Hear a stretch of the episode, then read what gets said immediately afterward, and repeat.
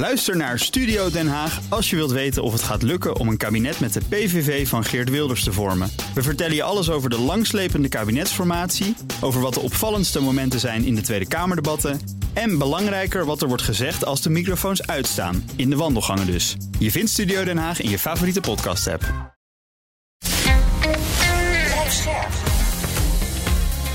BNR Nieuwsradio. Boekenstein en de Wijk. Nina van den Dungen. The United Nations continue to warn against the adverse political, security, economic and humanitarian repercussions of military escalation in the Red Sea and the risk of exacerbating regional tensions. De VN-veiligheidsraad was dat deze week over het Midden-Oosten, specifiek de Rode Zee, waar de spanningen sinds de oorlog tussen Israël en Hamas dreigen over te koken en de hele regio te destabiliseren. We praten erover bij Boekenstein in de Wijk, op zoek naar de nieuwe wereldorde. Onze gast vandaag, Jan-Jaap de Ruiter, Arabist verbonden aan de Tilburg University. Welkom. Dankjewel. Ja, we proberen vandaag een poging tot Ja. het in kaart brengen van de relaties in de regio die zo onder hoogspanning staan. Allemaal begonnen natuurlijk met de aanval op 7 oktober 2023 door Hamas in Israël. Eh, eerst maar eens even de hamvraag, Jan-Jaap de Ruiter. Ja. Hoe groot zie jij het risico dat dit zich gaat uitbreiden in de rest van de regio? Ik denk eigenlijk dat het eh, beperkt zou blijven. Eh, iedereen doet vreselijk zijn best om, om, om, om, ja, zeg maar. kijk, er zijn natuurlijk wel allemaal uitspraken, maar bijvoorbeeld zo'n Nasrallah van eh Hezbollah Hezbollah. in, eh, in Libanon. Van de week zag ik hem. Ik, hij ziet er eigenlijk- altijd ook wel heel vriendelijk uit op de een of andere manier. Hè, man. Vind je? Ja, ja. maar goed, dat even terzijde. Maar ja, die zei van we- ons antwoord zal komen en ze komen er niet mee weg. En dat gaat over tot de orde van de dag. Ja, want dat ging over de moord Ja, door op- Israël ja, eh, op in- Libanees grondgebied. Althans, Al eh, eh, Israël heeft het natuurlijk niet, niet bevestigd. nee, maar ja, daar kunnen we wel van uitgaan hè, dat het Israël je was. kunt die vingers wel wijzen naar Israël, zeker. Maar hij zegt dan eigenlijk van, ja, we, we, komen nog wel. En dat zie ik toch wel wat vaker. Dus, en Iran ook, ja, nu hè, na de aanslag daar met, met, door IS, bij die herdenking van de dood Soleimani. Soleimani. Ook, hè, we, we komen nog wel. Maar ja, moet wel gebeuren dan. Maar gaat het ook gebeuren? Maar is dat dus omdat ze zeggen, ja, er komt nog wel wat? Is het dreigende taal, maar het feit dat ze niet meteen ingrijpen...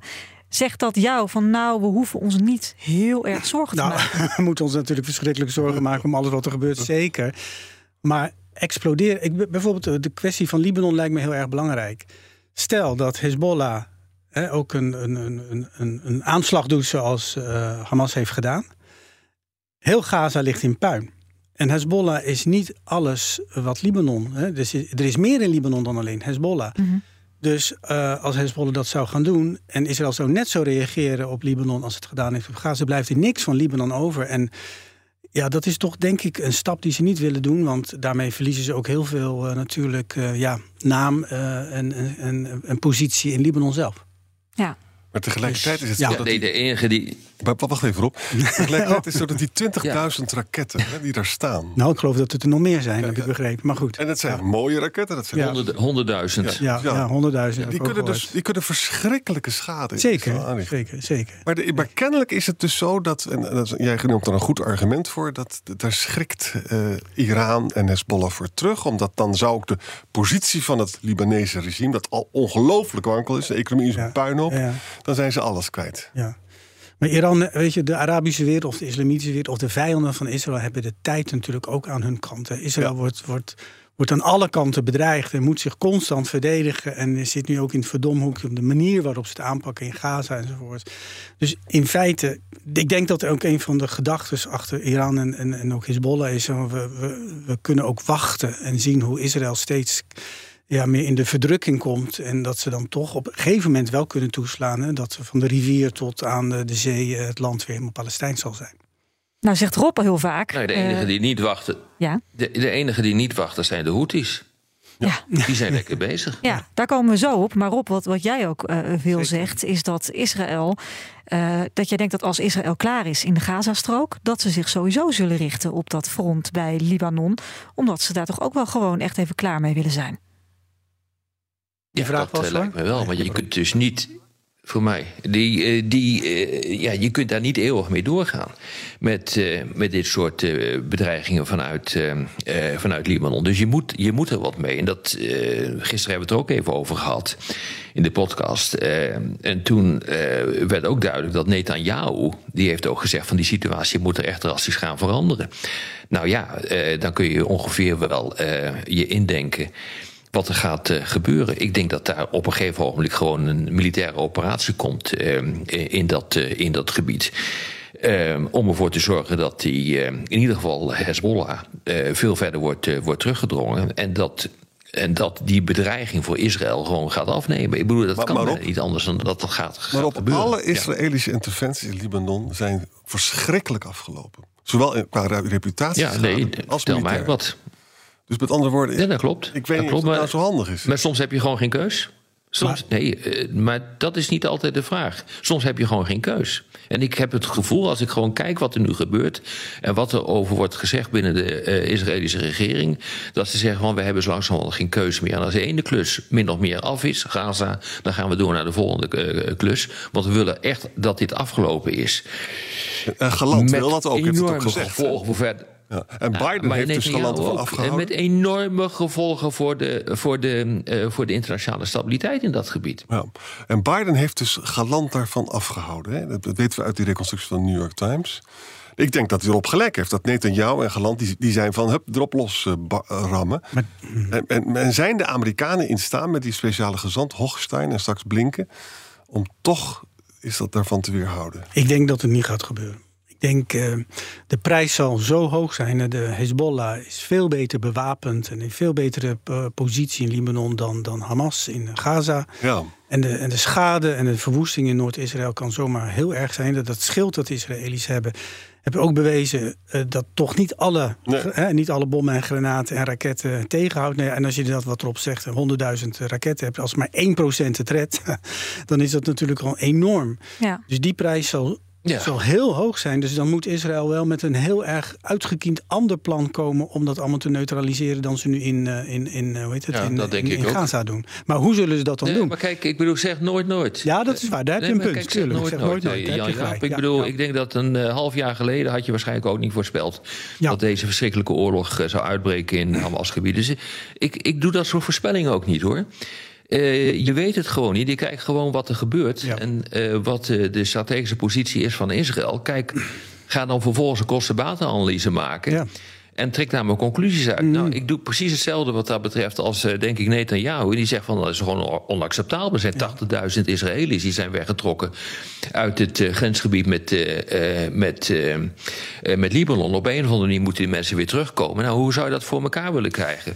Eh, niet door, eh, laten we zeggen, zoete bootjes eh, te bakken met Hezbollah, want dat lukt je toch niet. Nee, stel dat het ervan zou komen hè, dat Israël toch op een gegeven Ja. moment die wapenen durft op te pakken en er echt een oorlog van maakt op dat front. Hoe zou Iran daarop reageren, Jan-Jaap de Ruiter? Oeh. Ja, mijn, mijn eh, relaties met Iran zijn niet zo sterk dat ik dat zou weten. Kijk, tot nu toe is de positie van Iran, begrijp ik vooral van eh, een beetje, eh, eh, eh, natuurlijk wel die bekende oorlogszuchtige taal enzovoort, zeker. Maar verder geen, eh, eh, geen, geen, geen actieve eh, handelingen om, om het geweld nog groter te maken. Dus Ehm, ja, wat ik net al zei, ik blijf toch een beetje bij het punt van de tijd is meer aan de kant van, van zeg maar de vijanden van Israël. Die kunnen we nou met hun handen over elkaar, dat is een beetje te groot woord. Maar de dreiging is zo groot en Iran heeft zo'n machtige positie opgebouwd. trouwens ook hè, bij de Houthis daar in het zuiden. Ehm, dus ik denk dat die nog even zo blijven zoals ze nu doen. En, en Iran wil Nou, het je liever van met Iran proxies. eh, willen? Nou, Iran wil het liever met proxies. Ja, exact. Ja. Dus lekker met de Houthis een beetje. Ja. Hè? Ja. En dan een beetje ontkennen dat je de Houthis aanstuurt. Mm. Nou, trouwens, het is, ook, het is ook niet zo dat de Houthis echt luisteren naar Iran. Hè? Er zit ook nog ruis op de lijn. Nou, daar maak je wel een goed bruggetje. Want ik wilde inderdaad even naar die Houthis op de Rode Zee. Ehm, eh, om te beginnen, eh, de VS, het VK en, en nog tien landen, waaronder Nederland. Die hebben deze week de Houthis in Jemen een, een ultimatum gesteld. We dus stoppen met het schieten op, op schepen. An- anders dreigen er consequenties. Ik dacht meteen, ja, wat voor consequenties dan? Wat kunnen we doen? Nou, dan, gaan ze, dan dreigt Amerika dus, hè, en misschien ook Engeland, om die lanceerinstallaties te doen. Maar ja, jongens, als je dat doet, dan krijg je dus de ellende dat, dat Saoedi-Arabië wil juist vrede sluiten met Mm. Saoedi-Arabië heeft verschrikkelijk huisgehouden in Jemen, maar die wil juist nu vrede sluiten. En die zegt tegen Amerika, kan je dat eventjes niet doen? Hè? Ja, maar ik denk dat uiteindelijk de Saoedi's dat wel zullen toelaten. Als, eh, als het maar doorgaat met die aanvallen op die schepen. En die Amerikanen zeggen van ja, maar nu gaan we toch echt die installaties eh, aanvallen. Dat eh, Salman even diep moet zuchten. En, denk, en het, eh, zo, hij, zu- sowieso zucht Saudi-Arabië de hele tijd en doet niet veel. Hè, Maar ja, ik wou zeggen, want dit moet je me even uitleggen. Ja. Saoedi-Arabië die was toch jarenlang in oorlog met die Houthis? Ja. Jazeker. Ja, nou ja, goed wat Arend Jan ook zei. Hè. Er, er zijn, er- hè, het verhaal is dat er nu eh, besprekingen zijn en dat ze, dat ze streven naar een soort van eh, nou, ja, een soort overeenkomst, een, een, een, een vredesdeal Met die Houthis? met die Houthis tussen. Dus dat, dat de, achter de schermen eh, schijnt dat nu Ja. plaats te vinden. Maar dat willen ze ook met Iran. Ze willen ook graag Ja. vrede met Iran. Ze willen ook vrede met het Westen. Ja, Ja. kan het allemaal? Nou ja, in het Midden-Oosten is alles mogelijk, is, eh, is mijn stelling. En eh, de Saudis en eh, Iran hebben natuurlijk onlangs de betrekkingen hè, tot op zekere hoogte weer hersteld. Dus het kan, ja. Rob, wat denk Ja. jij? Ja, dat kan ook. Ik bedoel, eh, ja, weet je, als eh, leiders zeggen van eh, we houden mee op met deze onzin, dan, dan stopt het gewoon. En, en, en heel, ja, ja, ja, zo is het. Zo simpel is het wel hoor. Ja. Ehm, alleen vaak moet je daar dan wel eerst voor door een diep dal gaan. En moet je duidelijk maken, ook naar je achterban, dat je er echt alles aan hebt gedaan om te voorkomen wat er gebeurt. Dus ehm, ja, ik vind het toch merkwaardig wat die Houthis aan het doen eh, zijn op dit ogenblik. Met name al die aanvallen die er zijn eh, op, eh, op die schepen. Ehm, ik, vind dat, ik vind dat vreemd. Want uiteindelijk weet je gewoon dat je wordt aangepakt. En het, daar zit toch eh, iets in van verminderde rationaliteit. Ja. Ehm, tot nu toe heb ik goed begrepen wat ze aan het doen zijn, ook in de richting van Saudi-Arabië.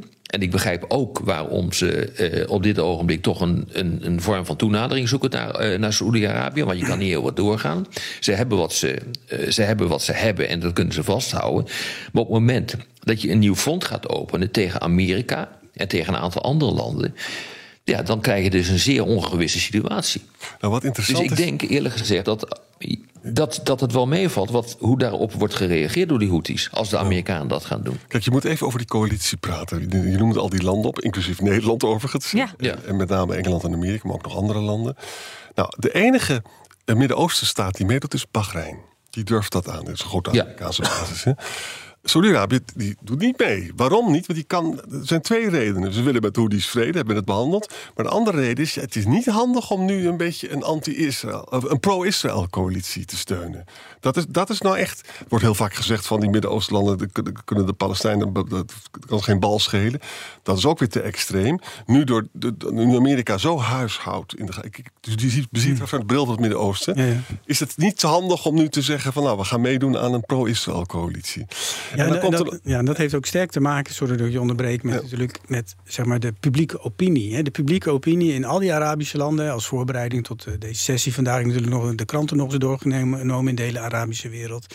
Eh, Het volk, zullen we maar zeggen, is altijd pro-Palestina in grote meerderheid. Ja, ja. Dus de machthebbers, zoals Ja. Saudi-Arabië, maar ook erg opletten van niet al te veel pro-Palestina. Dus niet meedoen met, hè, met, te- eh, met die coalitie tegen die schepen. En misschien ook de vraag van Rob, van, eh, waarom doen die Houthis wat ze doen? Kijk, die Houthis hebben natuurlijk wel een, een prima eh, strategische eh, positie om die schepen aan te vallen. Zij kunnen dus namens het volk, namens hè, de moslimwereld, hè, namens de Arabische wereld, noem het maar. Wij doen wat. Hè, waar de Egyptenaren ja, niks doen, zullen maar zeggen, of, en ook niet kunnen doen. Eh, doet, doet, eh, doet, doet Jemen het wel. Hè. Het, het, het, het doet me een beetje denken aan Qatar. Hè. Qatar, een klein landje dat Ja. zich wil doen gelden. Nou, nou, Jemen nu. Het viel me overigens ook op in de beelden die ik zag eh, van- over, van Jemen. eh, dat ze hele, hele geavanceerde apparatuur hebben ze daar en boten en, en wat iets meer zei. En op een van die tankers vond ik op zich ook wel weer bizar. Die ze hadden veroverd, lag net voor de kust. En er gingen dan toeristenboten, Ja. die houten boten, gingen naar die tankers. Die kregen daar als het ware een rondleiding. Er werden van die traditionele Jemenitische dansen opgevoerd. Ja. En er was zelfs sprake van iemand die trouwde. Of een echtpaar dat trouwde op zo'n eh, zo'n schip. Hè, Dus ja, echt waar. Dat stond, heb ik ook gezien. Dus, dus, maar dit is dus ook de stem van het volk. Hè, dat die Houthis, Ja. eh, die, die Houthis hier laten spreken. En de leiders kunnen de stem van het volk niet negeren. En dan, wordt het, en dan wordt het nog Het gebeurt ingewikkelder. al veel te vaak in de Arabische Ja, wereld. en, en, en, Sorry. dan wordt, het- er wordt nog ingewikkelder wat ik zelf zo. Kijk, er zijn twee grote spelers voor dominantie. Dat is Saudi-Arabië natuurlijk. Ja. En dat is ook de Verenigde Arabische Emiraten. Dat steeds machtiger wordt. We hebben gezien dat ze bij die krijgsgevangenen deal, weet je wel, in de Oekraïne zat het er ook achter. Nou, wat wil de Verenigde Arabische Emiraten? Die wil gewoon de Saoedische invloed verminderen. En Saudi-Arabië wil de leider zijn van de Arabische wereld en van de islamitische wereld. Nou, waarom zeg ik dit allemaal? De Verenigde Arabische Emiraten heeft de Houthis eh, eh, contacten met de Houthis en heeft ook in het westen van Jemen land. Althans, de invloed is daar groot. En om het nou nog erger te maken, de Verenigde Arabische Emiraten zitten ook achter die deal tussen Ethiopië en, eh, en- Somaliland. en Somaliland. Dus dat, er zit hier dus ook een, met een spanning tussen Saoedi-Arabië en de Verenigde Arabische Emiraten. Waarvan ik niet weet hoe dat gaat uitpakken. Maar is dat niet een klein beetje het, eh, het, het klein bier? Het woord bier is natuurlijk niet passend in het Midden-Oosten, maar alcoholoos bier dan. Eh, want ja, Verenigde Arabische Emiraten, natuurlijk uh, misschien uh, een, een, kleine concurrentie met, met, met de Saoedi's, maar toch niet dan een hele grote speler. Nee. Zou ik denken. Nou, het gekke is. Ja, dat vind ik ook hoor. Dat vind ik ook. Ze hebben nauwelijks een krijgsmacht. Ik bedoel, waar, waar heb je het over? En nogmaals, ik bedoel, het is natuurlijk een hoop gerinkel en, en, weinig, eh, en weinig anders. Eh, met, met betrekking tot de Houthis. Ik bedoel, wat zij nou eigenlijk willen? Eh, op het moment dat jij dus keihard wordt bestookt eh, door, door de Amerikanen. Wat is zo, dan kun je er vergif op innemen. dat je opponenten in Jemen ook weer in actie beginnen te komen. En je positie wordt dan ook uh, verzwakt ten opzichte van, uh, laten we zeggen, uh, Saudi-Arabië. dus uh, ik. Ik, of, of ze moeten helemaal gek zijn geworden. en dat denk ik niet. Want als je dus ziet hoe ze dit op dit ogenblik doen, dan doen ze dat toch tamelijk intelligent. Maar je gaat niet tot het gaatje hier. Uh, dat, dat denk ik dus niet, dat je dat gaat doen. De Verenigde Arabische Emiraten. Ik moet ook, uh, ik moet ook uh, echt kijken wat er nu gaat gebeuren. Nu die gezamenlijke verklaring van die, van die landen is, is, is uitgebracht. Wat ze nu eigenlijk gaan doen. Nou, je zou kunnen hopen dat de Verenigde Arabische Emiraten misschien een matigende invloed heeft op de Houthis. Hè? En nog een ander punt. De Houthis zelf zeggen wij zullen stoppen met deze daden als er meer humanitaire steun Israël mm, binnenkomt. Ja. Als je dat leest, denk je van, maar dat is precies waar Biden mee bezig is. Da daar is, wordt aan gewerkt. Dat is precies wat ja. Borrell wil. Dus met andere woorden, dat maakt, ja, dus hebben niet... dat raakt Israël aan het hart. Hè? Dat is al zo dus de, de, de Houthis staan op de lijn van Biden, zeg je nu eigenlijk. Ja, ja. maar grappig, grappig, genoeg, nee, maar grappig genoeg is ja, dat ja, zo. Ja, ja zeker. Ja. Nee, ze hebben, ze hebben voor zichzelf een uitweg gevonden. Ja, ja. Boekenstein en de Wijk. Op zoek naar de nieuwe wereldorde. Dit is Boekenstein in de Wijk. En dat programma is natuurlijk helemaal niks zonder Arend-Jan Boekenstein en Rob de Wijk. Mijn naam is Nina van den Dungen. En we praten met onze gast, Arabist Jan-Jaap de Ruiter... over het Midden-Oosten onder hoogspanning... door de oorlog tussen Israël en Gaza. Ja, ik ging met die jingle dwars door jou heen, Rob. Maar maak vooral je verhaal af. Geen idee. Geen probleem. Ik heb het al afgemaakt. Ik heb het er nog net even tussendoor kunnen roepen. Ja, Rob, Rob, zei dus, de Houthis hebben een way out. Hè? Namelijk, van als er meer humanitaire ja. steun uh, door Israël wordt doorgelaten... dan kunnen ze mee ophouden. Maar dat weet je, er, er is een maar ander, weet je wat een ik ander, nou echt... Sorry, ja, ga je gang. Ja, ga verder. Nou, ga er is, er is iets, iets wat, wat, wat onderbelicht wordt in, in onze discussie vandaag ook... is uh, wat ik hoor hier van wij zoeken naar de rationaliteit. Achter waarom doet een partij A dit en B dat enzovoort. Maar um, het, je zou kunnen van de Houthis kunnen zeggen... het kan hen werkelijk helemaal niks schelen wat de consequenties zijn zij, uh, dat, dat, dat ze bij spreken helemaal niet tot, tot dik achter de komma gaan analyseren. Als we dit doen, dan dat en zus en zo. Tuurlijk zeggen ze, hè, we moeten, er moet uh, proviant komen in Gaza en wat iets meer zij. Maar de, de gedachte is gewoon, wij, wij maken dat punt. En, uh, en als jullie het allemaal zinloos vinden, dan zij dat maar zo. Maar wij wekken hiermee een enorm prestige in de Arabisch-Islamitische wereld. Wij doen tenminste wat. En als het, jullie het zinloos vinden, oh ja. dat zijn maar zo. Dat speelt oh ja, natuurlijk eens, ook dat... dat eens. ja. Eens, maar dat is ook rationaliteit. Nee, Ja, maar in dat zekere is zin wel. eh, Daar ben ik het mee eens hoor. Ja, ja, ja, oké. Ja, Ja. ja. Nee, kijk, wat, wat ik echt interessant vind is waar is China eigenlijk in dit hele verhaal? China. Eh, Dus eh, ja, nou ja, ik bedoel, dit, dit, dit, dit programma gaat ook over de nieuwe wereldorde. Eh, en China speelt daar een belangrijke rol in. Eh, We hoorden niks van. Ja. Eh, ze hebben, eh, nou wat is het, twee jaar geleden heeft eh, Xi een Global Security Initiative eh, genomen. Eh, met allemaal ronkende teksten over eh, dat we lief moeten zijn voor elkaar in de wereld. Eh, Onder leiding van China. Vervolgens, onder leiding van China. liefst, Eh, ja. En vervolgens gebeurt er niks. Terwijl de Rode Zee cruciaal is voor het Belt and Road initiatief. Dus de nieuwe zijderoutes. Ja, Eh, er is significante handel met eh, Saudi-Arabië, met Israël, met Egypte. Ja. Eh, en dat is toch vreemd. Ze hebben dus ook een, ze hebben een haven in, wat is het, Djibouti. Ja. Maar ze bemoeien zich er niet mee. Terwijl het is een enorme issue voor hen is... eh, dat die, eh, dat die vrije doorvaart daar gegarandeerd blijft. Hoe, hoe kunnen we dit nou verklaren? Heb jij nou eh, enig idee, eh Jan Jaap? Ja, dat is een goeie. Volgens mij stond China toch ook achter die, die verzoening tussen Iran en, eh, en Saoedi-Arabië. Die speelde daar een rol in. Een ja. jaar geleden. Ja. Dus ehm, is het niet zo dat China denkt, maar dit is een beetje, een beetje educated guess hoor. Want deze vra- vraag is voor mij een beetje Mhm. onverwacht. Van denkt van nou, ehm, het zal, zolang het niet nog meer uit de hand loopt, wat ik net al zei, is er voor ons geen reden om eh, direct in te grijpen. De vraag is ook, hoe zouden ze dan moeten ingrijpen? Zouden ze mee moeten doen met die coalitie daar bij, bij Jemen? Nou, het interessante is, de Houthis vallen geen Chinese schepen aan. Hè? Dan moet Ja, je dus even, Oh, ja? Met andere woorden, ze hebben dus ze Oh, ja. kunnen Nog gewoon niet. le- lekker stil. Nog niet. Als dat gaat gebeuren, dan verandert. Overigens is, Ja, ja. kijk, de, de gebieden waar ik nu over ga praten, die zijn niet belangrijk voor de wereldorde. Maar de wereldorde openbaart zich natuurlijk ook wel in Afrika. Als je nou China eruit pakt, hè? Ja. China, wist je dat jongens? Dat heb ik gisteren dus allemaal uit zitten vogelen. Verenigde Arabische Emiraten steunen een bepaalde partij in Soudaan. Die overigens ook door Ethiopië wordt gesteund. En ook door China en ook door Wagner en ook eh, door, door Haftar in Libië. Wat is dat voor club dan? nou, dat zijn dus, dat zijn dus we hebben dus twee generaals die nu met elkaar vechten in In Soudaan. Libië. Verschrikkelijke Libië, oorlog. ja. Maar, maar, Of eh, maar- in Sudan. Oh, ja, ja, dus in Ja. en ook in, eh, straks in Ethiopië en zo, maar ook in Libië, neemt dus China ook een bepaalde positie in. Eh, Europa ook. Eh, en dat betekent dat er dus wel degelijk. En dan Wagner zit in dezelfde groep als China bijvoorbeeld. Hè? Mhm. Maar ja, Haftar in Libië wordt bijvoorbeeld ook weer gesteund door Macron. Het is gewoon een puinhoop. Maar wat wil je zeggen? Wat is je Nou, punt? nou, uiteindelijk? wat, wat ik wil zeggen. Is het over China. Ja, dit, Ja, verandert, dit verandert dus de wereldorde niet. Maar er is dus wel een strijd in al die Afrikaanse landen aan de gang. Waarbij het wel zo is dat China in hetzelfde hokje zit als eh, Wagner. Maar is China niet altijd zo'n land dat een beetje op de achtergrond... Hè? China zegt altijd, we willen ons nergens, Ja. nergens mee bemoeien. Ja. En jullie mogen ons ook niet met ons bemoeien. Dat is toch een beetje standpunt. En we, we kijken het aan en... en en, het, en, en, en we, we kijken pas wanneer wij echt, echt geraakt worden in onze met name economische belangen, dan eh, laten we wel van ons Ja. horen. Maar als jij zegt. Ja, dat denk ik dus ook. Ja. Ja. maar dat is toch op dit ogenblik aan de gang. Ja. En eh, dat vind ik dus het meest opmerkelijke hiervan. Kijk, in 2008 hebben ze besluit genomen om mee te doen aan eh, de antipiraterij-operaties eh, voor de kust van Somalië. Dus eh, als je echt wat wil als opkomende supermacht. En eh, met je ronkende teksten, teksten in, ehm, in, in dat eh, mondiale eh, veiligheidsinitiatief van, eh, van Xi. Eh, dan zou je dus eh, kunnen veronderstellen dat je dus ook je verantwoordelijkheid eh, neemt. eh, en je aanhaakt bij de, bij de eh, positie van, eh, van de landen die, dat, die die gezamenlijke verklaring hebben, eh, hebben ondertekend. Eh, Ik zou me dat goed kunnen voorstellen. En doe je dat dus niet, ja, dan moet je dus echt je, je afvragen waar je staat als China. En China staat op dit ogenblik aan de kant van Iran.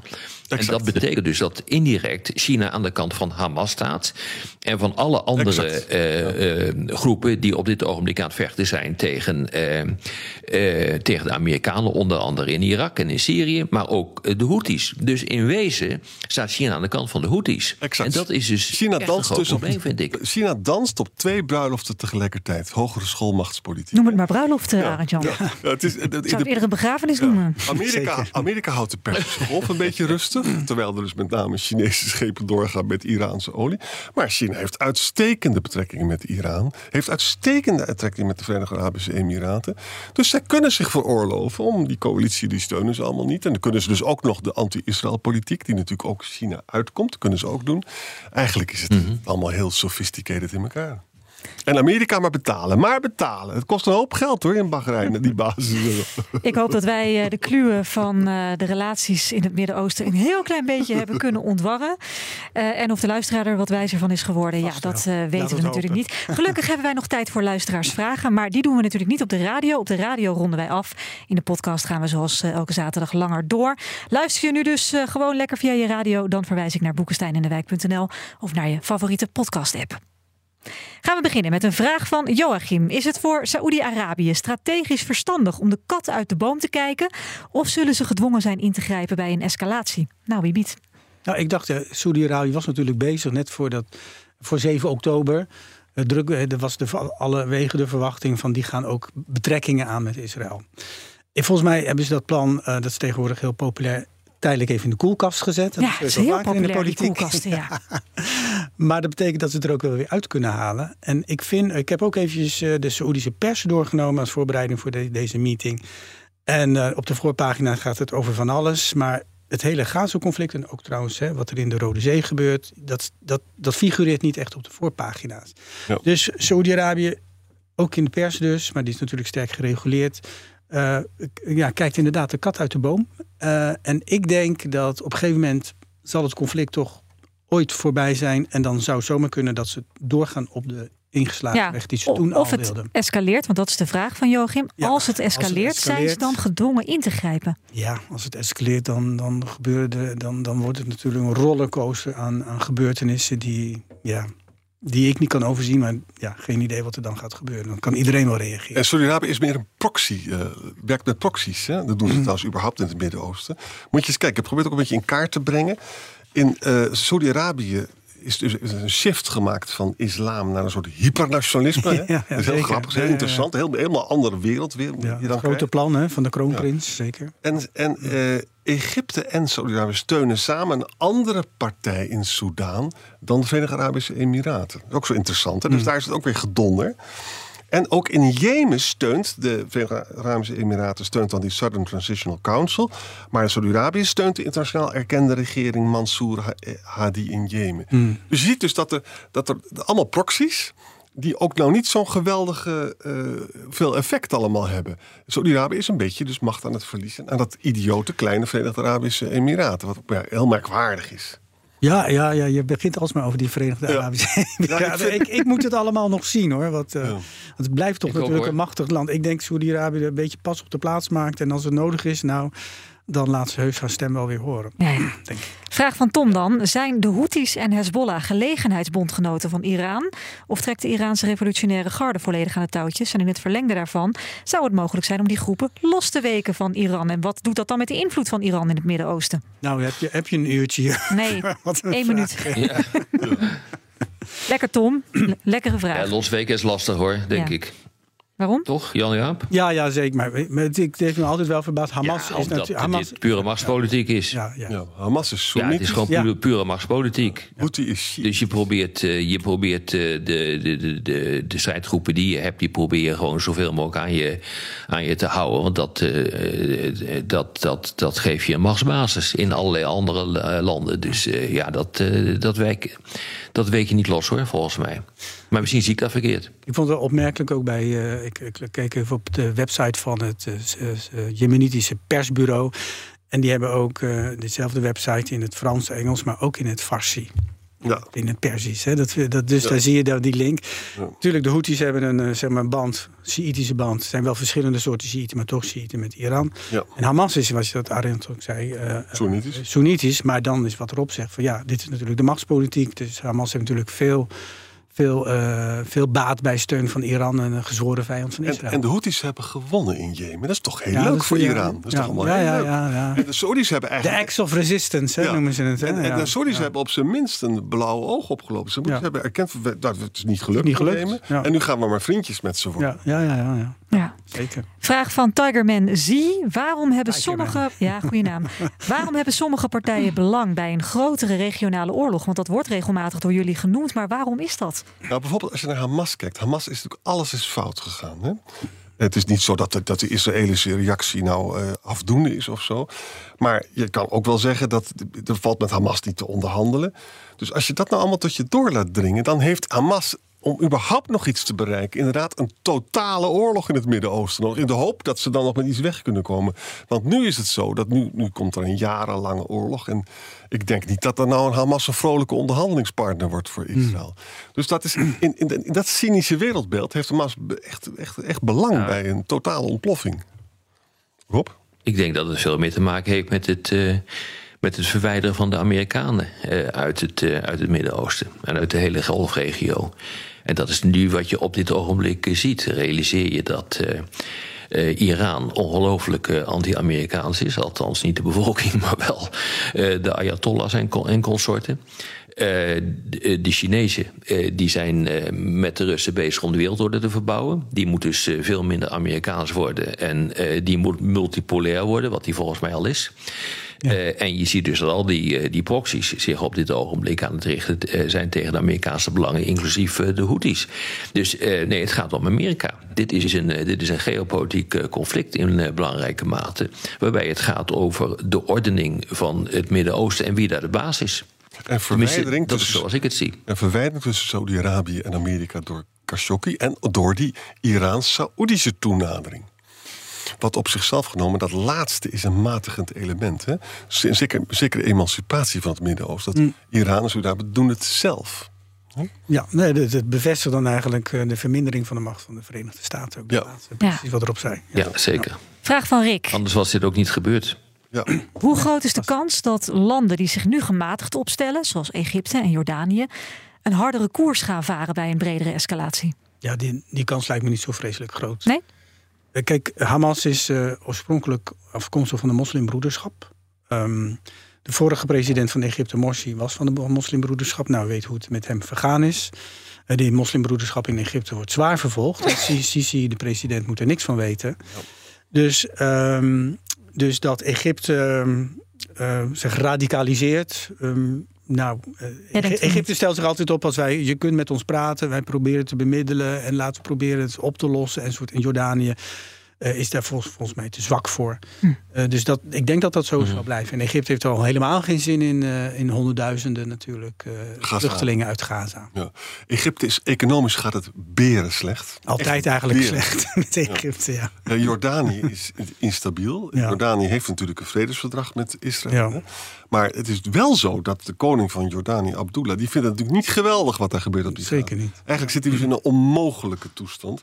En op zichzelf genomen, die onmogelijkheid daarvan en het feit dat het nog wel een jaar kan duren, is voor Jordanië kunnen gekke dingen daar gebeuren. Ja, maar wat, wat Jordanië is toch een beetje een kleine speler en zit met handen en voeten gebonden aan al die grootmachten om het land heen. Die man, die Abdullah, moet, moet alles doen om het allemaal een beetje stabiel te houden. Ja. Dus, uh, dus nee, dat denk niet. Dat, dat, ik denk dat ja, dat, denk dat zo zal blijven voortmodderen, voort modderen, zo maar ja. denk ik. Dan is er nog wel een interessante vraag van Dirk. Die vraagt waarom is Shiïtisch Iran bondgenoot van Soenitisch Hamas. Is dat alleen oh omdat ze een gezamenlijke vijand hebben, Israël? Of gaat dat bondgenootschap dieper? Het eerste. Ja, het is gewoon machtspolitiek. Iran wil alles doen dat Israël uh, ondermijnt. En dat heeft ook weer te maken met dat ze dat antisemitisme en dat anti-Israël heel erg aanwakkeren, het regime. Hè? Waarbij het overigens interessant is dat in het verleden waren Iran en Israël waren bevriend met elkaar. Ooit. Ja. Ooit, dat is heel lang geleden. En ook de bevolking in, in, in Iran is bijvoorbeeld hartstikke pro-Amerikaans. Dus dat is, Iran blijft zo'n machtig interessant land. Ja, zeker. Carlo Pietersma dan, die heeft twee vragen. Welke rol speelt Indonesië met zijn vele islamitische politieke groeperingen in Gaza? Oeh. Nou, dat huiswerk heb ik even niet gedaan. Ik weet dat er een Indonesisch ziekenhuis is in, in Gaza. Er is al veel om, om, te doen geweest. Ja, Carlo refereert daarop aan. Hij zegt dat geeft te denken. Er werken ook Indonesische verplegers. Wat geeft te denken dan? Het is toch ja, verder, ja, op die manier. We kunnen Carlo er niet bij halen. Nee, maar hij vraagt ook nog of de strijd gaat om islamieten of om Palestijnen het, het, gaat in ieder geval, het is Soenitisch, Indonesië, eh, denk ik. Ja, ja, ja zeker, grotendeels. Ja, en, het grootste islamitische land ter wereld, niet waar. Het is ook zeker zo dat de islam veel sterker is geworden in de, in de Indonesische archipel. En dat dit ook een belangrijke ideologische stap is. Maar weet je, militair of strategisch is Indonesië natuurlijk geen grote speler in het, in het Midden-Oosten. En wat je veel ziet bij die islamitische landen is dat ze allemaal uh, liefdadigheid, zo'n ziekenhuis, schooltjes en wat hij meer zei. Dat doen heel veel van die uh, natuurlijk islamitische landen in Gaza. Dus is, Indonesië is dat wat dat betreft een van de spelers, maar niet een hele grote. Het antwoord is gewoon dat, dat, dat, is, uh, dat Indonesië geen rol speelt. Ik denk dat dat het antwoord is. Ja. Maar, maar ik, wou, ik wou nog netjes houden voor die army. Hoeft niet hoor, in dit, programma. Okay. in dit programma houden we nooit wat netjes. Maar, maar, gewoon hoe het zit. Maar het anti-Amerikanisme in de wereld, maar ook in Indonesië wordt enorm gevoed wat er gebeurt op de Gaza. Zeker. Zo erg dat ik zelfs op de sportschool, als ik dan met mensen uit Indonesië praat, ah, ja. dan krijg ik allemaal anti-Amerikanisme te horen. Ja, maar dat, dat, dat verbaast me niet. Oh, dan maak je geen zorgen. Pakken ze vliegtuig uh, naar welke plek dan ook uh, buiten Europa. Overal. Overal is dat Ja. Ik uh, wil eindigen met een persoonlijke vraag van Huub aan Rob en Arend Jan. En dan zijn we toch ook weer, dan eindigen we deze show namelijk gewoon weer in Gaza. Ik ga geen geld meer lenen aan die man. Nee, nee, nee, nee. nee. Uh, jullie, vooral Arend Jan, zijn kritisch over het optreden van Israël in Gaza. Heeft Israël volgens jullie het recht om zich te verdedigen? En zo ja, wat zou Israël dan anders moeten doen? Ik vind het een hele goede en een terechte vraag. Kijk, ik, ik denk zelf dat een eenzijdige militaire strategie die nu gekozen wordt, dat die uiteindelijk contraproductief zal zijn. Maar ik vind absoluut dat Israël het recht heeft om zich te verdedigen. Ik vind ook dat er met Hamas echt niet te praten valt. Dus mijn enige probleem met Israël is wat ze natuurlijk op de Westbank doen, maar ook dat een eenzijdige militaire strategie gaat doen worden. Dit creëert op langere termijn weer nieuwe Hamas en nieuwe asymmetrische ellende. En dat gun ik Israël eigenlijk ja, niet. Maar wat zouden ze dan kunnen doen? Vraagt nou, meer, meer wat Amerikanen zeggen, meer chirurgische acties. Hè? Dat is Precisieacties. Ja, En, en ik vind dat ze wel moeten gaan praten op een gegeven moment met Hamas. Weet je, in, in, in oorlogen zijn, zijn, zijn de meest, meest onwaarschijnlijke tegenstanders zijn met elkaar aan tafel gaan zitten. Eens hoor. maar ik heb niet het indruk dat je nou Hamas dat het gaat vertrouwen. Kan, je, kan je Israël dan wel vertrouwen hè, in zo'n conflict? Rob, laatste woord aan jou. Nee, nee, maar kijk, eh, natuurlijk heeft, eh, dat hebben we ook nooit ontkend dat, uh, dat Israël het uh, recht niet heeft op uh, zelfverdediging. Maar als de hele wereld op dit ogenblik naar kijkt hoe dat gebeurt, dan moet je dat wel duiden. Uh, en dan heb je ook de plicht, vind ik ook, uh, die, die wij hebben om uh, te kijken van wat daar gebeurt en wat wat Israël wel of niet proportioneel doet. Ik bedoel, dat is, een, dat is een normale discussie. Ik bedoel, het is niet voor niks, daar hebben we het gisteren over gehad. Zo dat Afrika bezig is om een genocide aanklachten voor te bereiden. Met betrekking tot het internationale strafhof. ja, daar moet je toch echt over gaan praten. en daar, kun je, ja, daar kan je je kop niet voor in stand steken van wat hier, wat hier gebeurt. Dit is zo ontzettend belangrijk. En dit bepaalt ook, laten we zeggen hoe landen op termijn kunnen, uh, kunnen interveneren in andere landen als er iets aan de hand is. Dus dit moet je wel duiden. En dat is niet een kwestie van dat je voor of tegen Israël bent. En die vraag ja, die wordt natuurlijk vaak gesteld: ben je nou voor of tegen Israël? Nee, wij proberen gewoon te duiden en that's it. Huub, ik hoop dat hiermee jouw vraag is beantwoord. Dit was weer Boekenstein in de Wijk. Namens Arend-Jan Boekenstein er op de Wijk zeg ik dank voor het luisteren. Veel speciale dank aan Arabist Jan-Jaap de Ruiter. Mijn naam is Nina van den Dungen en ondanks alles wens ik je een fijn weekend. Dankjewel. Shukran. Shukran. Tot morgen. Bij BNR ben je altijd als eerste op de hoogte van het laatste nieuws. Luister dagelijks live via internet. Bas van Werven. En heel langzaam komt de zon op rond dit tijdstip. Je krijgt inzicht in de dag die komt op BNR, het Binnenhof in Nederland en de rest van de wereld. De Ochtendspits. Voor de beste start van je werkdag. Blijf scherp en mis niets.